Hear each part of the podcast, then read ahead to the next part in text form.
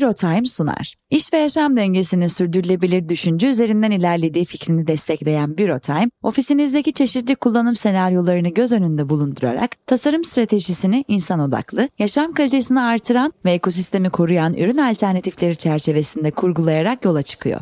Time'ın farklı mekanlar için sunduğu konforlu çözümlere ve ürün kataloğunu açıklamadaki linkten ulaşabilirsiniz.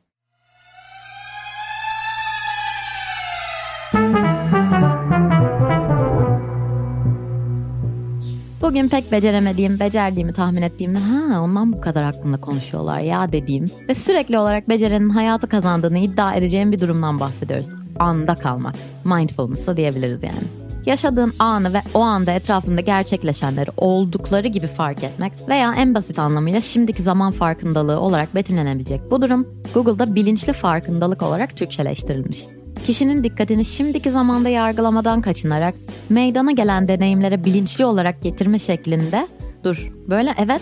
Çok kötü. Bu cümle çok karışık ama okuyacağım. Kişinin dikkatini şimdiki zamanda yargılamadan kaçınarak meydana gelen deneyimlere bilinçli olarak getirme şeklinde gelişen psikolojik süreç diyor bu durum için. İğrenç bir tanım. Daha güzel bir tanım yapacağım şimdi. Bu fazla uzun bence. Mesela anda kalmak, şimdiki anı hissetmek, overthink eylememek gibi bir şey olarak algılıyorum ben bu durumu. Yapabilmeyi daha çok istiyorum ama dediğim gibi pek beceremediğim bir şey bu. Yaygın anksiyete bozukluğu teşhisimle 21. yüzyılın ortasında kalmış queer bir kadın zaten ne kadar anda olabilir acaba? Bugünün sorusu bu diyormuşum değil. Neyse bugün cevabını sınıfsallıkta geçirdiğimiz pandemide ve belki de biraz becerememenin getirdiği çekememezlikten kaynaklanan bir sinizmde arayacağız gibi. Hadi soruyorum o zaman anda kalmak veya mindful pratikler neden popüler oldu? Pandemi. Bu sorunun cevabı bu bence. İlk cevap yani en azından bu. Ya pandemi tabii yani başka ne olabilir neyse. Birden hayatımıza bir virüs musallat oldu. O hayat durdu. Vahşi kapitalizm pençelerini en mikrodan hepimize geçirdi ve kala kaldık. Durduk. Hala üzerinden neredeyse 3 yıl geçmiş olduğuna inanamıyorum. Şöyle bir bağlantı yapacağım şimdi. Aposto Gündem Türkiye'deki politik iklim hakkında belirsizliğin şiddeti üzerine bir haber yapmıştı. Ben bu durumu düşününce bu kalıbı hatırlıyorum. Çünkü ne Dünya Sağlık Örgütü bir şey diyebildi, ne herhangi bir uluslararası oluşum, ne bir şirket, ne de bir hükümet şimdi şu olacak. Bir sonraki adımda bunu yapacağız ve bitecek gibi bir şey diyemedi bize. Belki bilinçli değildi ki işin sınıfsallığı elbette bilinçli. Ama belirsizliğin şiddetini yaşamışız gibi geliyor bana. Evde oturuyorsun, yoga mı yapacaksın, seramik mi, ekmek mi pişireceksin, bir şey mi izleyeceksin, kitap mı okuyacaksın? Çevrimiçi derse mi gireceksin? Orasını bilmiyorum. Ama kafanda arkaya itmeye çalıştığın bir şey kesin vardı. İşte orada internette mindfulness seminerleri çıktı karşına. Webinar ya da işte ne deniyorsa onlara. Yani an var mıydı o anda anda kalacaktın zaten? Ya da kafanın içinde kalmayı nasıl halledeceksin? Duvarların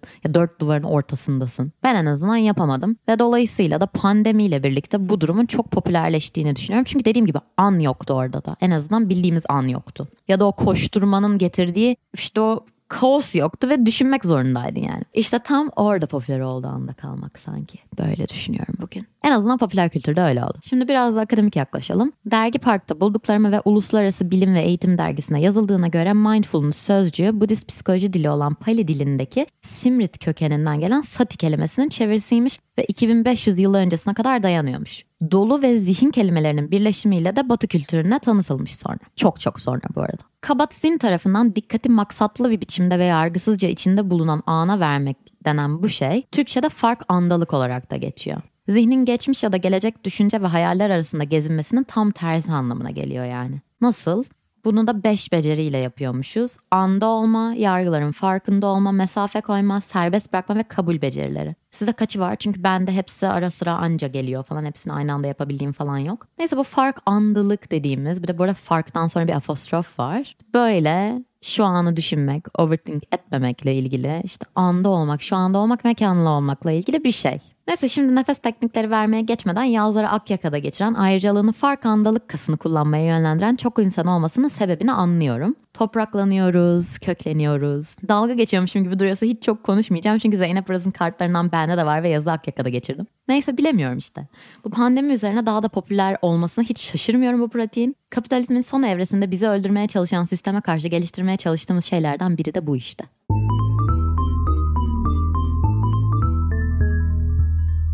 Şimdi o zaman mindfulness popüler kalsın mı, kalmasın mı? Şimdi bunun cevabını ben vermeyeceğim çünkü beceremiyorum ya. O yüzden içimde böyle verişemediğim bir şey var bu konuyla ilgili. Benim anda kalabildiğim birkaç an var. Son dönemde antidepresanım sayesinde bunu yapabiliyorum. Onu çok seviyorum. Mesela şu an kaydı yaparken de andayım. Çünkü başka pek bir şansım yok. Yağız ve Erim bana kızar çünkü. Birazdan bir anda aklım başka yere kayabilir ama onun sözünü veremiyorum. En azından deniyorum. Ama genel anlamıyla mindfulness herhalde güzel bir şey işte. Ama sınıfsaldır. Yani gelmek istediğim nokta bu anda kalmak acayip sınıfsaldır. Barınamayanlar hareketine gidip geleceği şu andan düşünme diyelim bakalım mesela. E, sinizm yok burada demek istediğim şey çok açık. Şu aralar Türkiye'de anda kalmaya çalışmak pek de mümkün olamıyor. Şansı olana imreniyorum, kendim yapabilmek için debeleniyorum ama bir türlü anda kalamıyorum ve sanki bu benim hiç suçum değil.